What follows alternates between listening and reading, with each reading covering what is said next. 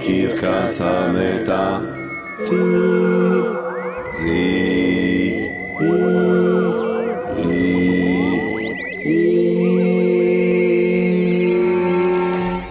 עם ג'רמי פוגל. יואב עזרא מאת יואב עזרא. השם של הבן אדם הולך לפניו, כמו כלף מרחרח עם שרשרת או חתול מנטר. השם יואב עזרא מרחח מה שלפניי. מכיר לא מכיר אותי, ואותי מחתול מנטר לקחת החדש בהפתעת הייצור. מיהו, מיהו. גבירותיי ורבותיי, ברוכות וברוכים הבאים לקרקס המטאפיזי, תוכנית הלילה של הלילה הגדול מכולם, תוכנית הלילה של היקום. טוב, גבירותיי ורבותיי, ברוכות וברוכים הבאים לקרקס המטאפיזי! והיום, גבירותיי ורבותיי, איזה תענוג של תוכנית. היום אנחנו מכוונים את כל התוכנית כולה, כמה שיותר גבוה, הכי נשגב שיכול להיות, הכי עילאי שרק יכול להיות, תוכנית המשורר, גבירותיי ורבותיי, תוכנית שהיא כל כולה יואב, יהובה, עזרא!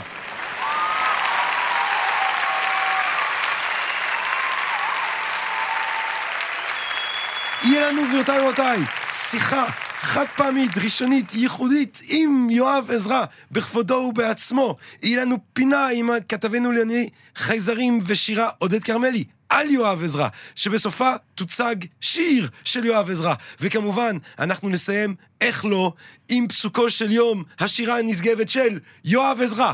גבירותיי ורבותיי, אני רוצה להודות לתמר בנימין המפיקה הכל יכולה שלנו, לשרון לרנור שמקליט איתנו כאן היום באולפן, לתמיר צוברי עורך הסאונד, אני ג'רמי פוגל. מונולוג, ומתחילים. נוגי מוזיק.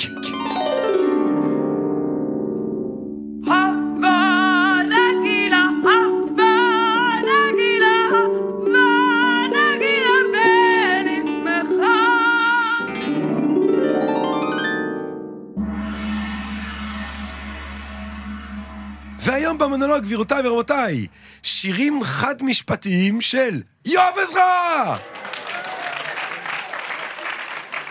דוגמה טובה. דוגמה טובה לזה שלא אמר כלום והתנהג גרוע. זה מדהים. חלקים מהאני שלי דוממים כמו עצמות. דגים. כמה שדגים אוכלים דגים, עדיין יש דגים. איזה קריזה. כמו שדג עושה רעש בים, ככה אתה פותח וסוגר דלתות.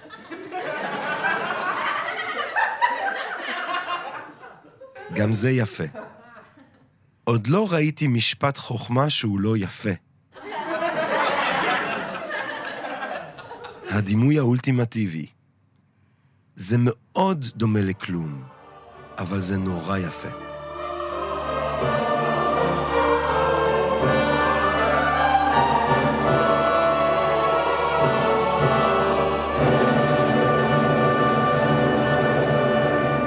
שירים חד משפטיים של יואב עזרא, גבירותיי ורבותיי!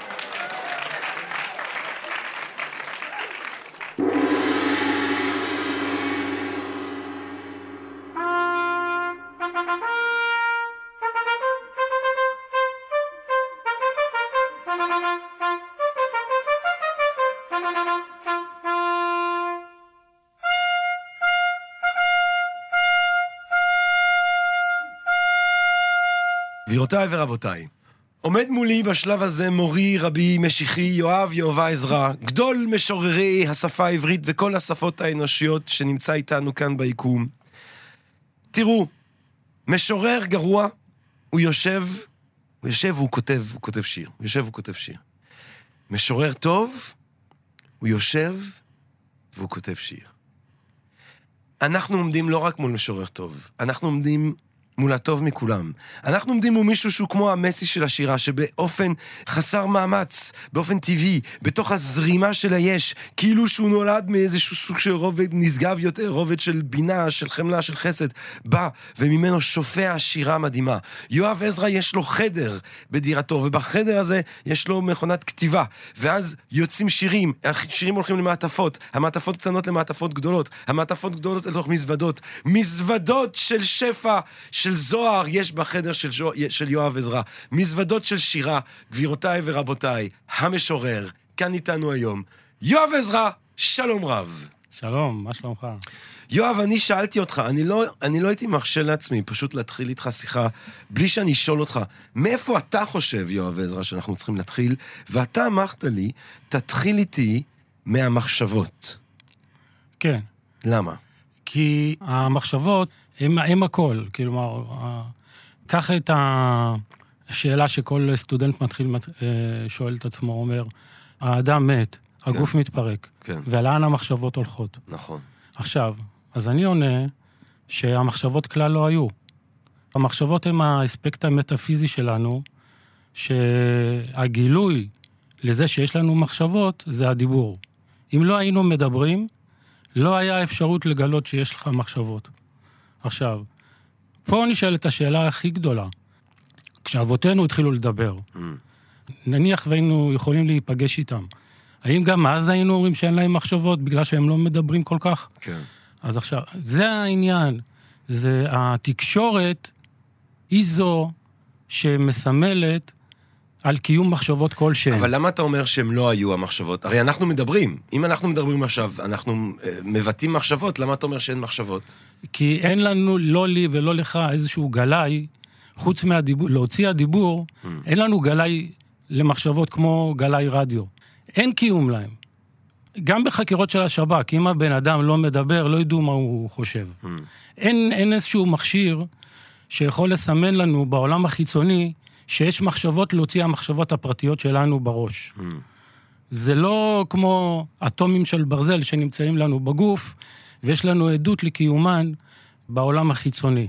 פה אין לנו שום עדות לקיום מחשבות כלשהן, חוץ להוציא את המחשבות שלנו בגולגולת, בראש.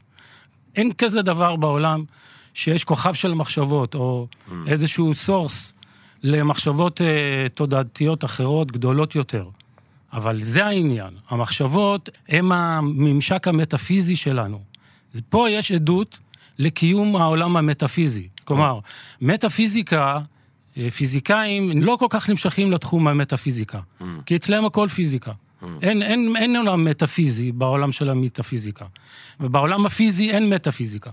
עכשיו, היכן יש לנו עדות ל, לעולם המטאפיזי? זה המחשבות. הם בכלל לא היו. זה הכלום האלוהי. כלומר, הם לא היו, הם, זה התעתוע. כמו שאתה עכשיו אמרת. אנחנו מדברים, אנחנו מרגישים שיש משהו, אבל אנחנו לא יכולים לפרוס את זה. עכשיו, למה אמרתי בוא נתחיל עם מחשבות? למה? כי רק על ידי מחשבות אתה יכול לגלות את האל. איך אתה, נגיד אני רוצה להוכיח לך את קיום האל, את קיום אלוהים. איך אנחנו נעשה את זה אם לא נדבר? אנחנו חייבים לדבר. אלוהים לא קיים אם אין דיבור? אני לא. אני אגיד כזה דבר. אנחנו לא היינו יודעים שאלוהים קיים אם לא היה לנו דיבור. איזה סוג של דיבור, אם כך, הוא אה, או היא שירה? עכשיו, זה מה שמפחיד. אנחנו חושבים שכל הבעלי חיים, הדוממים, כן. שלא מתקשרים איתנו כמוני וכמוך, כן. אנחנו מסיקים מזה שאין להם מחשבות. כי אין תקשורת. כלומר, אם אתה לא היית מדבר איתי, לא הייתי יודע שאתה אבל חושב. אני, אני כן חושב שפיל חושב. זהו, בסדר. זה העסקה... אני גם חושב שפיל מתפלל. זה... איך אומרים? אין לך משהו פיזי לא- להוכיח את אני זה. לא יכול, לא, אני לא יכול להוכיח. לא יכול להוכיח, זה העניין, זה העניין. כן. זה כמו שאני לא יכול להוכיח, אם אני לא אדבר, שיש לי מחשבות. אבל אתה מאמין שפיל חושב? יש סברה גדולה. עזרה, כי, כן, כן, אני אסביר לך למה. כי היה, היה שלב ב, בהתפתחות של האדם על פני הארץ, שאבותינו לא דיברו. אני לא מדבר על, על, על השפה, על הכתב, שזה התפתח לא, לפני לך 6,000 200 שנה. כן, בטח. 200 אלף שנה, שהיה רק הבהרות. כן, כן. גם אז, נניח שהיינו יכולים להגיע באיזה מנהרת זמן לשם, כן. ולחקור. היינו אומרים, כאילו, תנסה לחשוב אם אוהב- אוהבים בתוכנית את המילה חייזרים. בטח. הם היו אומרים, לא, אין פה מחשבות, אה, אנחנו לא יכולים לתקשר איתם. כן. זה כמו בעלי חיים. כלומר, מה ההבדל בין הציפורים שיש להם הבהרה אחת, לאבותינו שהיה להם איזה שתיים, שלוש כן. הבהרות. אה, אה, ויש גם- אה, גם- מ, אה, או. כאלה, זה אומרים, או. כן, או. כן, מ, מ. בדיוק. אלה אומרים העברות הבסיסיות שהיו בראשיתיות, כלומר? בהתפתחות השפה, כן. זה מה שדוחק אותי, אה, מפחיד אותי, שאני, אה, אולי אנחנו נופלים פה, שאנחנו חושבים שאין תודעה בשום דבר להוציא אנחנו, כי הם לא מתקשרים איתנו. זה מה שמפחיד. יכול להיות שיש בכל דבר תודעה. אני נוטה לחשוב שכן. אני נוטה לנו- לחשוב שכן. פשוט אין לנו תקשורת איתם. אבל יואב, איזה סוג של דיבור זה שירה אז? זאת אומרת, דיבור זה הרמז למטאפיזי. זה כן. הדיבור זה, ה- זה המדרגות, זה השער. איזה סוג של דיבור אה, הוא שירה? מה אתה ש- מדבר כשאתה כותב, כמשורר? ברור. שאלה קשה. קודם כל, דבר ראשון, אה, יש להסתכל על השירה בתוך המכלול הרחב של היצירה הספרותית. הדבר הגדול ביותר בעיסוק, בכתיבה, זה היצירה הספרותית הגדולה ביותר של התודעה, שהשירה היא חלק ממנה.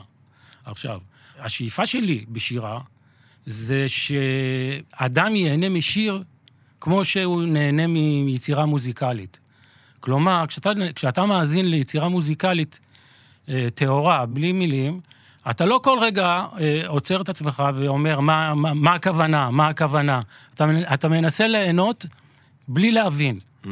כלומר, אתה אומר, "זה קטע טוב. ככה אני רוצה שיגידו על שירה, שזה קטע טוב. עכשיו, לתת לקורא את העונג הצרוף, זה המטרה של האומנות. לתת לו את החוויה של העושר האינסופי. מה הטעות בהתפתחות של השירה? שהמורים בבתי ספר לספרות באו מתוך תפיסה שהשירה היא מסמך מדעי. טקסט של שיר, הוא, נתנו אותו לסטו, לתלמידים, לפרק אותו, מה הכוונה, עבר, הווה, עתיד, מה הדימוי הזה אומר, מה כוונת המשורר. לא, אסור לי... טקסט שירי, ספרותי, הוא לא טקסט מדעי, אין להבין אותו. המורים צריכים לקחת את הטקסטים המדעיים ולתת להם לפצח אותם בכדי להכין אותם לאוניברסיטה. אבל לא לעשות את העוול הזה לשירה. השירה צריכה להיות כמו יצירה מוזיקלית. לתת לקורא את החוויה שהוא יקרא את השיר מתוך צלילות, והוא יחווה איזשהו עונג שהוא לא יודע להסביר. הוא יגיד לך. זה טוב. עונג כן, מטאפיזי מטאפיזי, עונג מטאפיזי. זה כמו שאתה אומר שזה, שאתה שומע טרק טוב במוזיקה, אתה אומר, בואנה, זה טוב. ואתה לא מתחיל להסביר לחבר למה, כי זה- פה זה איטי מדי, שם זה מהר מדי, פה יש איזו הרמוניה. אתה לא אומר לו, אתה אומר לו, וואלה, זה קטע טוב. זה מה שאני רוצה שיגידו הקוראים. לעזוב את השירה בצד, ואם הייתי עושה מהפכה ספרותית, באמת הייתי מתחיל איתה בבית ספר, לתת להם טקסטים מדעיים, להכניס אותם לאוניברסיטה, ואת הספרי שירה, להפוך אותם לאומנות. כמו אה, ספרי ציורים של ציירים שאתה רואה. אתה לא, המורים לא מתחילים לקחת אלבומים של ציירים ומלמדים אותם. לעזוב את זה, להניח את זה. וככה השירה תתפתח יותר טוב לדעתי. עכשיו, בעצם למי אנחנו מייעדים את השירה? למי? כלומר, למי אתה מייעד? כן, בוא נלך ל- לאבותינו. אבותינו כתבו מזמורי תהילים. כשאתה רואה למי, למי הכותב ייעד אותם, לקדוש ברוך הוא, לשם יתברך. אתה רואה שם דיאלוג ישיר, הוא בכלל לא רואה את הקהל, לפעמים הוא אומר, הוא, הם פונים לקהל, שזה לעמו, לארצו, אבל הם בכלל לא רואים את הקהל. הכותב לא רואה את הקהל, הוא רואה את הקדוש ברוך הוא. יש אינטימיות שלו אל מול הקדוש ברוך כן, הוא. די, זה דיאלוג ישיר. עכשיו, אם אנחנו כיהודים צמחנו מתוך הסורס הזה, מתוך המקורות האלה, של היהדות, של הדיאלוג הישיר עם הבורא וכל זה, אנחנו מייעדים את עצמנו בכתיבה לא לתקופה שלנו, ולא לקהל, לקהל, זה הקהל יכול לבוא אחר כך, אין בעיה, שגם הקהל ייהנה. כן, בכיף. כן. פרגן לו. כן, לפרגן לו, בדיוק. ואנחנו מייעדים את זה למלאכי השרת. או. אנחנו מייעדים את זה לתודעה המטאפיזית שאינה צריכה הוכחה לקיום ממשי כלשהו. המטאפיזי של המטאפיזי. בדיוק. תראה, יש עוד חוויות, אה, נגיד חלקיקי הנוירונים שגילו אותם כן. בשנות החמישים, הם חלקיקים חסרי מסה. אני תמיד נזכר בחלקיקים האלה, וישר אני נזכר בך. הרי אתה אוהב את הים. כן, מאוד. עכשיו, חלקיקי הניוטרינו, היה קשה למצוא אותם כי הם חלקיקים חסרי מסה. זה רוח הרפאים בקוסמוס אומרים.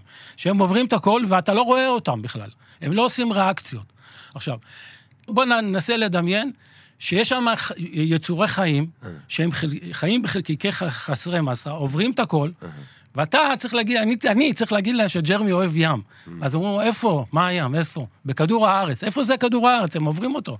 ת, כאילו, ת, תנסה לחשוב, הם עוברים את כדור הארץ, ובתוך כדור הארץ הזה יש כל כך הרבה צורות חיים, שאני אצטרך להסביר להם שיש דברים שהם מפספסים, הם עוברים את זה כאילו זה כלום. כן, אז איך חלקיקי הנוטרינו יכולים ליהנות מים אם כדור הארץ לא קיים בשבילהם? נכון. עכשיו, העולם המטאפיזי, זה החוויה האלוהית שלנו. הוא קיים במחשבות, כן, בדיבור. תראה, אנחנו הולכים לטייל, אנחנו הולכים לדבר. כן, מה היה שווה לשבת בבית קפה אם אף אחד לא מדבר? כן. אז הדיבור זה העונג האלוהי. אה, כלומר, תנסה אפילו המחשבים, מחשבים, אה, האינטרנט, בלי שפה, בלי שפה, אין כלום. מה, מה שווה אינטרנט אם אין לך שפה, אם אתה לא יודע שפה? עכשיו, יואב, אתה, כמו שאמרתי במבוא לשיחה שלנו, אתה, אתה שופע שירה. שופע שירה. זאת אומרת, אנחנו כל הזמן אומרים שיום יבוא, אה, כשנוציא את כל עבודות יואב עזרא, זה יהיה משהו, זה יהיה סוג של תלמוד חדש. זה, כשאתה חוזר הביתה ואתה יושב, מה, מה מוציא כל כך הרבה שירים מדהימים ממך? זה משהו, זה רצון שלך, או זה סוג של משהו שאין לך ברירה אלא לכתוב? מה קורה שם? כן. ברגע הכתיבה. תנסה לקחת כן, אותנו לשם. ברור, כן. בוא נתחיל מזה שהצנזור של הכותב, מי מצנזר אותו הכי הרבה? הוא זה עצמו, הוא עצמו. כן. הוא האינקוויזיסטור. הוא מוציא את עצמו להורג. כן. ולפעמים זה סתם. דבר ראשון, על הכותב, אסור לצנזר את עצמו. הכתיבה היא התמסרות טוטאלית. תתמסר. זה לאו דווקא רגע הכתיבה כמו לאסוף טיוטות, כמו לכתוב שברי רעיונות. רגע הכתיבה הוא ממש פיזי, הוא... אתה לא... אף אחד לא יכתוב במקומך ואתה לא תכתוב. אתה כותב ישר, אה, אתה יושב עם המכונת כתיבה הזאת, אתה כותב קודם בכתב יד, רעיונות, ואז אתה כן. מוסיף, או אתה יושב מיד על המכונת כתיבה? כשאני, אה, זהו. אני במהלך כל השבוע אוסף רעיונות לטיוטות, וברגע הכתיבה אני עובר על הטיוטות. אני איש של טיוטות, של סקיצות. ה- הסקיצות כתובות בכתב יד? גם כתב יד וגם לפעמים בתוך, ה... בתוך הסמארטפון. אה, בתקופה שלא היה סמארטפון ולא היה טיוטות, הייתי כותב בפנקסים. עכשיו, הסמארטפון אה, יצר אצלי, נתן לי, העניק לי את השפיות בחזרה. כי, כי תחשוב, אם כל רגע אתה עומד עם פנקס ומתחיל לכתוב, אנשים יגידו לך, רגע, מה, אתה עיתונאי? מה אתה כותב כל רגע? כן, מה, מה, מה זה, מה זה? כן. אז עכשיו, כשאתה עם הסמארטפון, זה התנהגות לגיטימית. כשאתה עם הסמארטפון יושב וכותב טיוטות, אז אה, חושבים שאתה כותב אס.אם.אס, או כן. שולח וואטסאפ, או כן. כאלה. אף אחד לא מתאר לעצמו שאתה באמצע המעלית כותב משהו. כן, אתה מבין? כן. אז עכשיו, אני איש של טיוטות. כן. לפעמים גם ניסיתי לשבת ולכתוב בלי טיוטות. שאני אמרתי, אני לא שבוי של זה, מה יקרה אם זה ילך לאיבוד? אם הסמארטפון, אם הטיוטות אה, תלכנה לאיבוד. אז אה, הוכחתי לעצמי שאני לא צריך גם טיוטות. עכשיו, העניין הוא, מאחר ואתה רוצה ליצור צלילות בשירה, כן. אתה רוצה ליצור את השקיפות. קודם כל, כבר אמרו, אמרו גדולים ממני, יש להסתיר את המאבק. כשרואים את היצירה, שלא לא יראו שהתחבטת. לא, שלא יראו... אבל זה באמת משהו שמאוד מאפיין את השירים המדהימים, ואתה יודע עד כמה שאני אוהב אותם. בגלל זה זה מזכיר לי את מסי במיטבו. איזה, כאילו ילד, כולם, כולם, אה, אתה יודע, מזיעים ומתאמצים, ויש איזה ילד שרץ שם בלי שום מאמץ. השירים שלך הם כאלה, הם, הם כמו ילדים, ילדים תמימים שרצים בערום בים, חסכי כל עקבות, זאת אומרת, אתה לא, ממש לא מרגיש שום מאמץ שם, שום, זה משהו ככה... כמו איזה ציפור, כן. זה משהו נורא... עכשיו, למה אני זה כותב... תמיד ככה, או כן. כי אתה עובד על זה? זה אני עובד ככה? על זה, זהו, אני חולם. כשאני כותב את ה... למה אני כותב, אני, הנטייה שלי לכתוב משפטים קצרים וכאלה? כי אני חולם על המשפט ברגע הכתיבה. כלומר, מה הכוונה? אני כותב אותו, Hmm. ואני מסתכל לראות אם הוא צלול מספיק. לוקח זמן קצת. Hmm. כלומר, אני משאיר אותו מודפס או כתוב, ואני רואה שזה בסדר מבחינתי. שיר טוב בעיניי הוא שיר שהכותב מסכים שהוא טוב. Hmm. אם השיר הוא לא, אתה מסכים שהוא לא טוב, הוא יציק לך. הוא לא יניח לך. צריך להשתחרר מהטקסט. כל ההמצאות הגדולות, הממציאים קודם כל המציאו לעצמם את הדברים. נגיד, זה לא ייתכן, זה שהמציא את הסולם, או זה שהמציא את הגלגל, הוא לא ישתמש בגלגל. זה שהמציא את הגלגל, ישתמש בגלגל. קודם- ההמצאה קודם כל לממציא. כן. עכשיו, כשאתה כותב שיר, אתה קודם כל, בעצם אתה כותב אותו לעצמך. כשאתה אומר, כמו שאתה אוהב שיר של אחרים, כן. אתה, אתה חייב לאהוב את השירים שלך. כן. אחרת אתה תהרוג את עצמך. כן. עכשיו, כשאתה מסיים לכתוב אותו מודפס, מודפס, יש בזה איזשהו... אה, יש בו איזה... רשמיות. כן, רשמיות, שזה קיים, מודפס, כן. שזה קיים, כן. שהוא קיבל אשרור. הוא אתה הפך להיות פיזי. מאושרר, כן. ממטאפיזי לפיזי. פיזי, כן, אני חייב שזה יהיה מודפס. אני לא, אני לא, שר, אני לא משאיר את הדברים בטיוטות אה, בכתב יד. כי הכתב יד משתנה, ואז לפעמים אתה לא מבין מה אתה כתבת. נכון. יש לי מלא דפים כאלה שאני לא, הבנ, לא מבין, כתבתי קטן כזה ואני לא מצליח לראות ולכתוב, לקרוא. אז עכשיו, זה חייב להיות מודפס, ואתה חייב לדעת, לתת לעצמך איזה כמה שניות, לא יודע, כמה, ככל שאתה תרצה, להסתכל על השיר מודפס, לראות אם אתה יכול להירדם עליו בעונג, להגיד, וואו, זה טוב. אתה חייב להגיד, וואו, זה טוב. כי אחרת, זה לא טוב. המשורר חייב להסכים עם היצירה שלו. האם משורר יכול לבחור להפסיק לכתוב? לא. לא. לא. כי הכתיבה היא לא רק העניין הטכני לשבת. הכתיבה היא מכלול של תפיסת עולם, של צורת לבוש, בגדים, מחשבות, הגיגים, אה, מצבי רוח. אתה, אי אפשר להימלט מזה מהרגע שאתה בתוך זה. זה... גם אם אתה לא יושב פיזית וכותב. קח לדוגמה ביאליק, אומרים שבתקופה שלו שהוא הגיע לתל אביב, ב, לא, הוא הגיע לתל אביב, לא יודע, 1924, משהו כזה, הגיע לתל אביב, ואז הוא בנה את הבית. אה, כן, הוא לא 1900 כתב. הוא לא כתב. או לפחות הוא לא פרסם. אז בוא נשאל אותך שאלה. כן. האם ביאליק בתקופה שהוא לא כתב, הוא חדל להיות ביאליק? לא. ביאליק רואה? שלא כותב הוא עדיין ביאליק. אתה רואה? כן. אתה, הנה, ענית. אבל השאלה אם הוא משורר באותם- באותה תקופה. יכול להיות שהוא זה- עדיין ביאליק. זה אתה תענה. מה לדעתך? את- אני- אני לא יודע, אתה אתה המשורר. אתה מש- המשורר. הוא היה משורר, כן. כן. כן. הוא התעסק בדברים, הוא ניסה לברוח מזה. הוא... אני לא יודע למה הוא לא רצה לכתוב, אולי הוא לא הרגיש השראה. כן. אולי לא היה לו פינת חדר. אולי כל רגע באו אליו הביתה. אני לא יודע למה הוא לא כתב.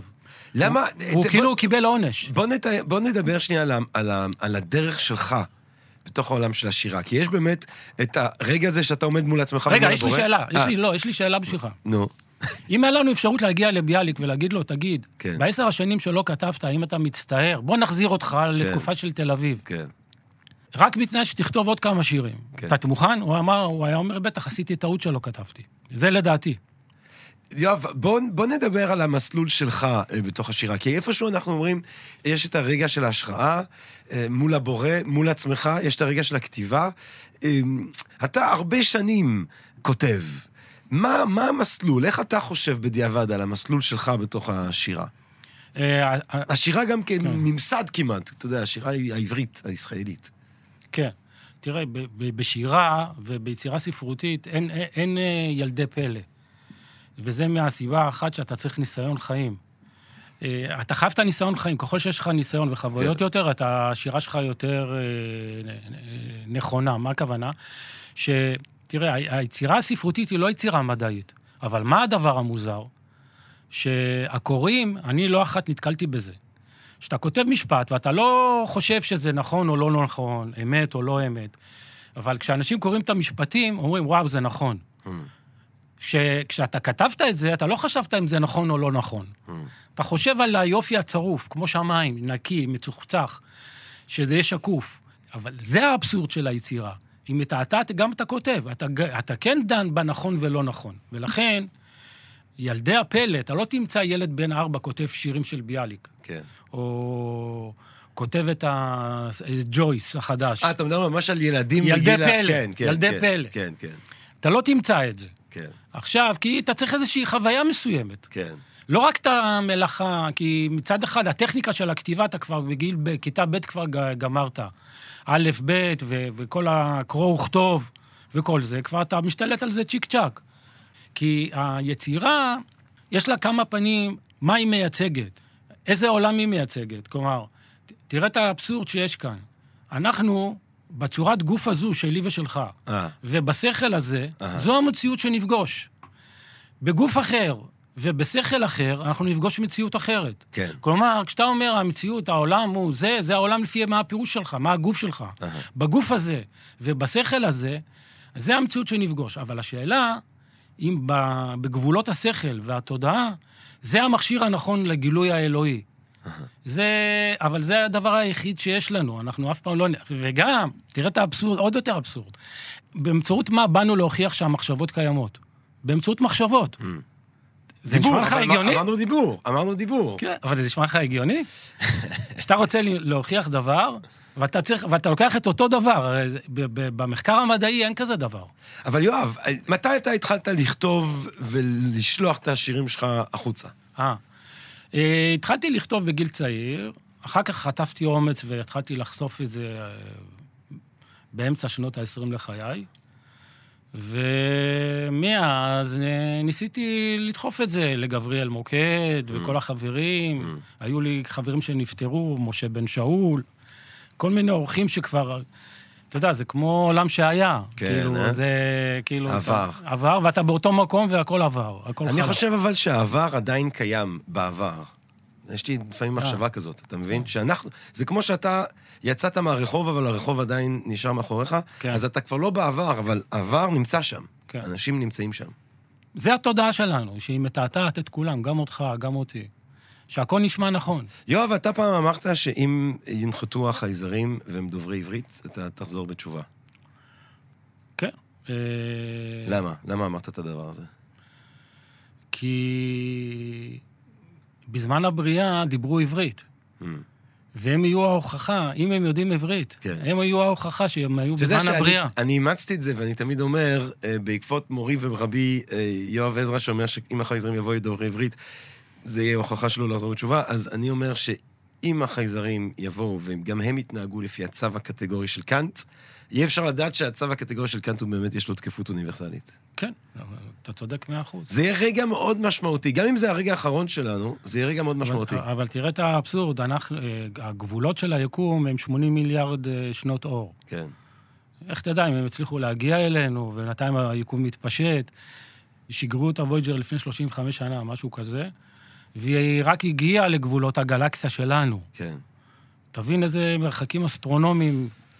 זה, אני חושב, יואב, אתה יודע, אני חושב שבשלב הזה, זה הרגע שאנחנו צריכים לארח את כתבנו לענייני חייזרים ושירה, אה, עודד כרמלי. אני חושב שזה רגע בשיחה שיהיה מאוד הגיוני לפתוח את הפינה הזאת. גבירותיי ורבותיי, כתבנו לענייני חייזרים, עורך השירה של התוכנית, עודד כרמלי, כרמלי, כרמלי.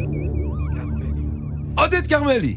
ערב טוב. ערב טוב, עודד כרמלי. עודד, ערב טוב, ג'רמי פוגל. עודד כרמלי, אני יושב כאן עם לא אחר מאשר המשורר, יואב יהובה עזרא. אנחנו מדברים על מחשבות, על איך שמחשבות מוכיחות מחשבות, על איך שמחשבות מוכיחות את אלוהים. אנחנו מדברים על שירה, אנחנו מדברים על חייזרים, אנחנו מדברים על היקום, אנחנו מדברים על יואב עזרא. ואני רוצה. לפנות אליך. כי דווקא ככתב לענייני חייזרים ולענייני שירה, אתה במוקד מאוד מאוד מאוד מדויק לדבר איתנו על יואב עזרא. עודד כרמלי, מי הוא אה, בעיניך יואב עזרא? הוא, יואב עזרא הוא מהמשוררים הגדולים שצמחו בשירה העברית, אה, באמת תופעת טבע, אני חושב שהוא הוא באמת המשיח, זאת אומרת, הוא הדבר הקרוב ביותר שאני מכיר למשיח, זה בוודאי נכון. אה, ואני חושב שסוד הכוח וסוד הקסם של יואב עזרא כמשורר, אה, זה הנושא. יואב עזרא כותב על אושר, על אושר באלף. אין משוררים שכותבים על אושר. יואב עזרא הוא משורר מאושר. הוא מאושר, זה איכות ויטמנית כזאת, Mm, של חיוב החיים, mm. כן, של, של חיוב המודרנה. לחשוב על זה, אני לא מדבר כרגע על איזשהו פוטוריזם איטלקי כזה של אוי וואי, אתה יודע, מנוע וקיטור וכאלה דברים. לא, לא, יואב עזרא שמח על מים קרים, על בירה קרה, כן, על חוף הים. Mm. יואב עזרא שמח שיש אופניים, שיש רחוב, שיש בני אדם ברחוב. יואב עזרא אוהב אדם, Mm. שזו תכונה כל כך נדירה אצל משוררים, כי רובנו שונאי אדם, מובהקים. אני בהחלט שונא אדם מובהק. יואב עזרא אוהב את זה, יואב עזרא אוהב להתהלך ברחוב, ומבחינתו זה גן עדן. ומה- גן עדן זה רחוב ברמת גן. ומה זה גן מ- עדן. מה מבחינה סגנונית? זאת אומרת, אני, אני, אתה יודע, אני מרבה להשוות את יואב עזרא למסי בגלל חוסר המאמץ. התחושה הזאת ש, שיש תעופה של ציפור קטנה שלא מתאמצת, שמשחקת עם האוויר ונישאת מעלה-מעלה. איך, מה, איך, איך היית מאפיין, אולי בתוך ההקשר של השירה העברית המתחדשת, את, ה, את הסגנון הזה של יואב עזרא, הייחודי לו כל כך? אין, אין, אין לו מקבילה, זה אסכולה של איש אחד. אף אחד לא כותב כמו יואב עזרא, אני יכול בספרות העולם לחשוב על וולט ויטמן ולחשוב על אה, אלברטו קיירו, אחד האטרונימים של פסוע, כן, שומר העדרים. זו תמימות, תמימות שהיא לא תמימה, היא תמימות חכמה מאוד, אבל היא תמימות וישירות שאתה לא מוצא כמוה. אני, אני אתן לך דוגמה לאחד משירי השורה אה, של יואב, השיר נקרא הפספוס. Mm. כל אלה שמתו פספסו את הכיף של המעליות. כי מעלית, כן, מעלית זה כיף, ואנחנו שוכחים את זה. יואב עזרא כאן להזכיר לנו איזה כיף זה מעלית. באמת גם ליואב עזרא אה, יש נוכחות טוטאלית במובן הזה שהוא, שהוא משורר, אבל הוא גם מקור לדברי חוכמה. המון פניני חוכמה, הוא- המון פניני חוכמה. מה, רק- איך, רק היית מאפיין את, כאילו. את מסורת החוכמה הזאת את, של האיש האחד, אה, יואב עזרא? תראה, יואב, כשאתה מדבר איתו, הוא מדבר על מה שהוא רוצה לדבר. כן, לא חשוב מה אתה, מה אתה מביא לשולחן, הוא בעצם כל הזמן מעבד נתונים אה, במוח הקודח שלו, וכשאתה בא, אז הוא, אתה יודע, הוא פשוט זורק עליך את המסקנות. אה, מה שיוצר, יודע, סיטואציות מרתקות. אני זוכר פעם שקבענו אה, לבירה, ועוד לא הספקתי כזה להתיישב, והוא כבר אומר לי, תגיד, עודד, איך קוראים לספר הבא בתורה? אני כזה, מה? אז הוא אומר, חלל. היה בראשית, חלל. היה שמות, היה. ויקרא, היה במדבר, היה דברים, ועכשיו צריך חלל. גם, אני חושב עזרא. שאנשים צריכים גם לדעת שכשהם יוצאים לבירה עם יואב עזרא, סוף הערב הוא יהיה פתאומי. זאת אומרת, יואב עזרא כן. הוא יקום אה. ייעלם, ייעלם. הוא לא מאמין, יואב עזרא, אני מכיר אותו 15 שנה, לדעתי נפרדנו לשלום אולי פעמיים. יואב עזרא לא מאמין בפרידה. לא מאמין בפרידה, לא. לא מאמין בפרידה, וזה גם, זה עוד חלק מהקסם הזה, מחיוב החיים של יואב עזרא. פרידה זה דבר עצוב, זה טרגי. צריך להיפרד, הוא לא מעוניין להיות במעמד הזה. זאת אומרת, אתה חושב שיואב עזרא. אה, עוזב את האירוע מבלי להיפרד בגלל העצב של ה... שיש בפרידה, בגלל המוות שיש בפרידה. בגלל הסוף שיש בפרידה. הוא לא רוצה לשים סוף לשום דבר. החיים כל כך עשירים ומפתיעים ו- ו- וכיפים, כן? המילה כיף. מי כותב את המילה כיף חוץ מיואב עזרא?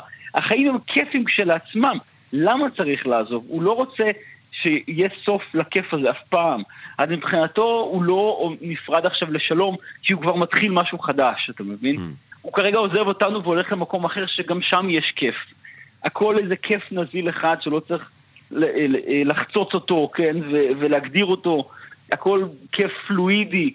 עודד כרמלי, מתי... חיים, של חיוב חיים. חיוב חיים! חיוב חיים! חיוב חיים! חיוניות! אמירת כן לחיים! בסדר.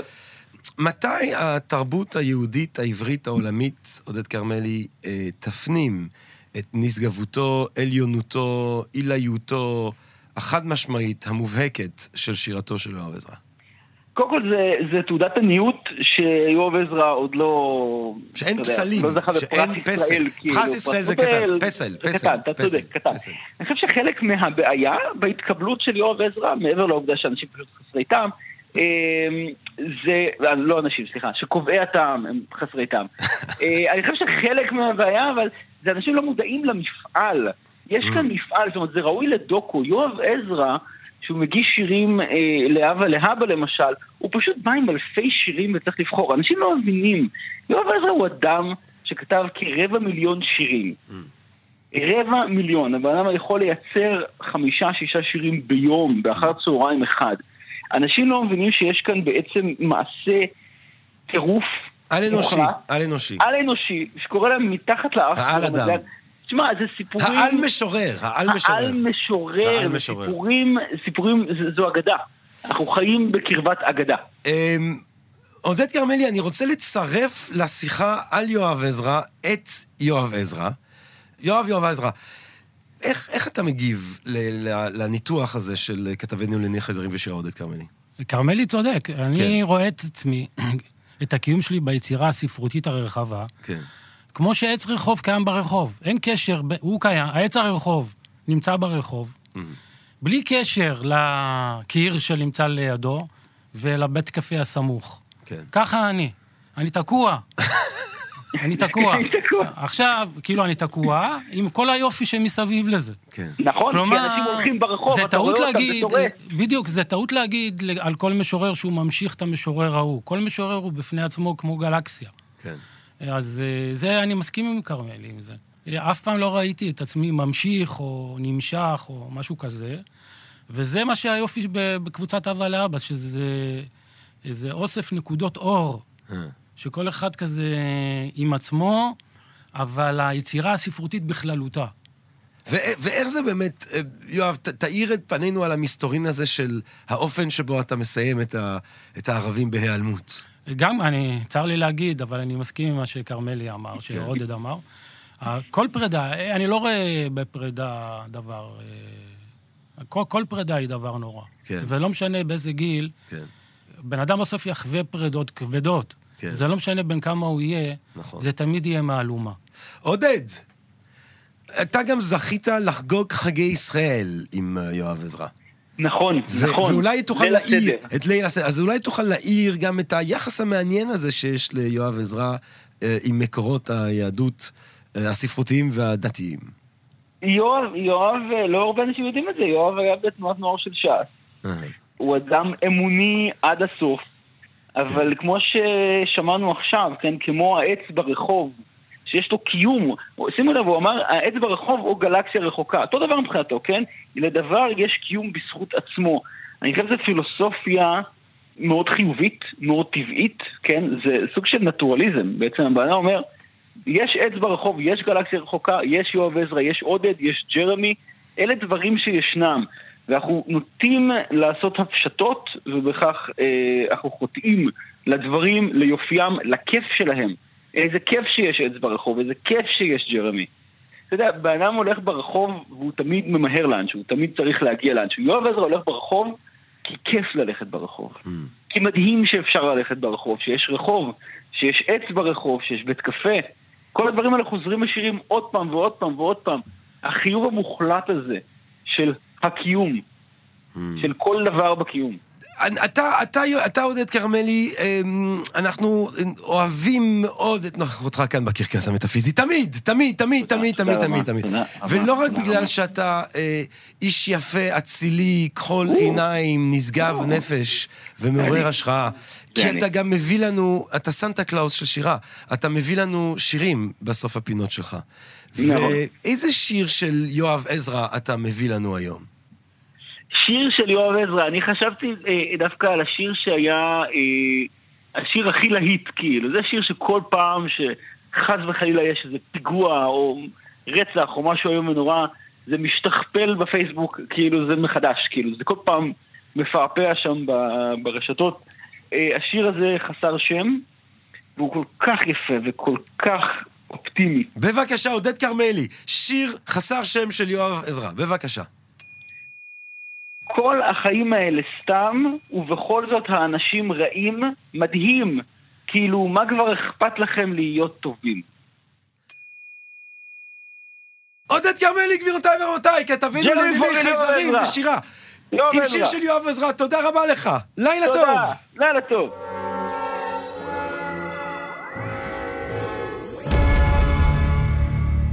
טוב, גבירותיי ורבותיי, אנחנו עומדים לסכם כאן. יואב, לפני שאני מבקש ממך לקרוא שיר שאני אוהב במיוחד, אה, אה, ב- בשלב הזה של הקרקס המטאפיזי של התוכנית, היא חולפת. החליפות שלה היא מאוד מובהקת, ואנחנו, אה, דיברנו על פחדות, אבל אנחנו ככה, אנחנו אה, נעלמים אל תוך העבר בזמן, ואנחנו נפחדים מהמאזינים. ומה אנחנו אומרים להם? מה אנחנו משאירים אותם?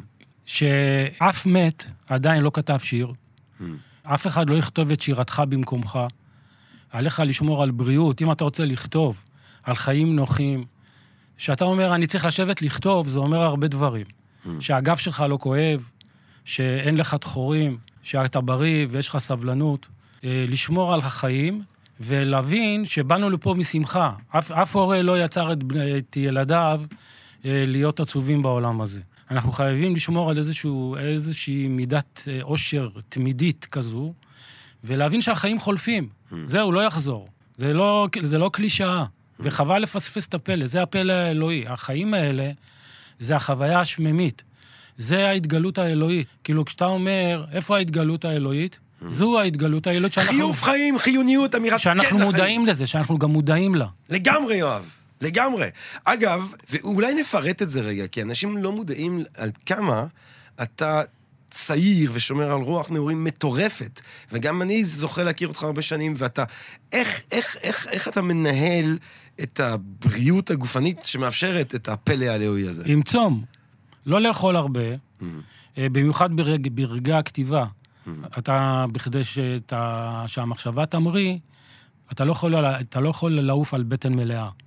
אז uh, תעשה צום שתייה, קפה, מים, לא יודע מה. חופן... אה, חופן, uh, פיצוחים, דגנים. כן, זה שם נתנו ברמזים בתורה, דניאל, בספר דניאל הוא, הוא, אמר, לה, הוא אמר לאחד מהעוזרים של... בבבל, שיביא להם חופן דגנים, זרעונים. זה הזרעונים, בוטנים, קשיו, אגוזי מלך, זה דווקא טוב. שזה זה בעצם מה שאתה אוכל... כן, ברגע הכתיבה. ברגע הכתיבה. אני לא אוכל ממש, לא אוכל בשר, לא... כן. משתדל. אני לא, אני לא טבעוני ולא כן. זה. אבל אה, להבין, אל תאכל הרבה, תאכל מה שצריך. אה, וזהו, והכתיבה היא נותנת לך את החיות. שאתה צלול דעת, אתה לא יכול להיות מטושטש ולכתוב. אתה חייב לשמור על איזושהי צלילות מחשבתית. יכול להיות שזה מה שמעניק איזושהי חיוניות לגוף, וגם הגוף, אתה צריך לשמור עליו, שהגב שלך לא יכאב, שתוכל לשבת. כן. אה, אם לא תהיה, אם תהיה חולה ויכאב לך איזשהו, איזשהו איבר, אתה לא תהיה, אתה כל הזמן תחשוב על הכאב. אז אתה חייב שלא יכאב לך הגוף, תשמח מהחיים, ותכתוב.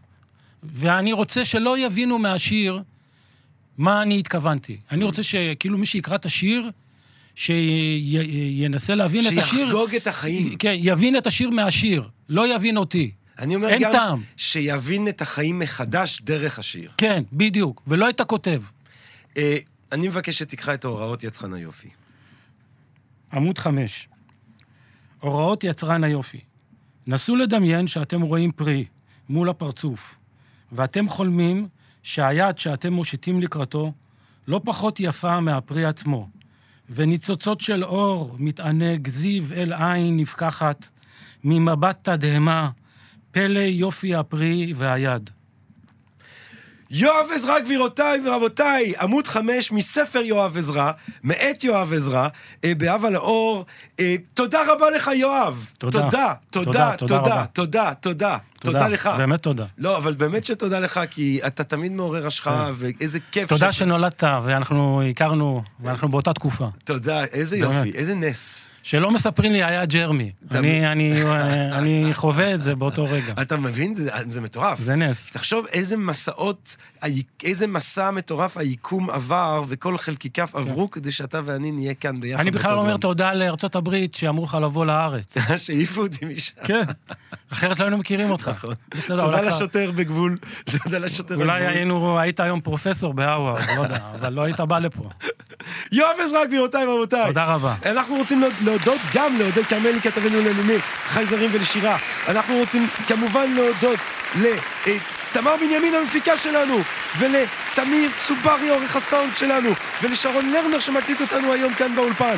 אה, אני הייתי אה, ג'רמי פוגל, זה היה הקרקס המטאפיזי, פרק המשורר, וכמובן, אנחנו תמיד מסיימים הכי גבוה שרק אפשר, הכי נשגב שרק אפשר.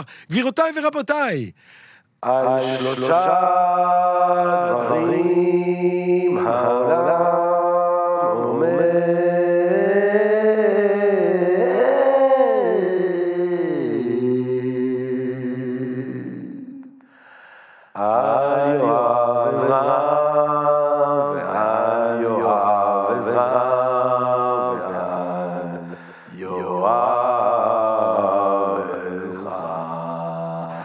של יום, שירתו הנשגבת של יואב יואב עזרא, תודה רבה, לילה טוב! פסוקו של יום, המשורר יואב עזרא. כאילו. ליטוף מתוק של ירוקת שמיים, כאילו דשא באחו, עם ממטרות. אתמול ראיתי ציפורים על המזגן בחצר.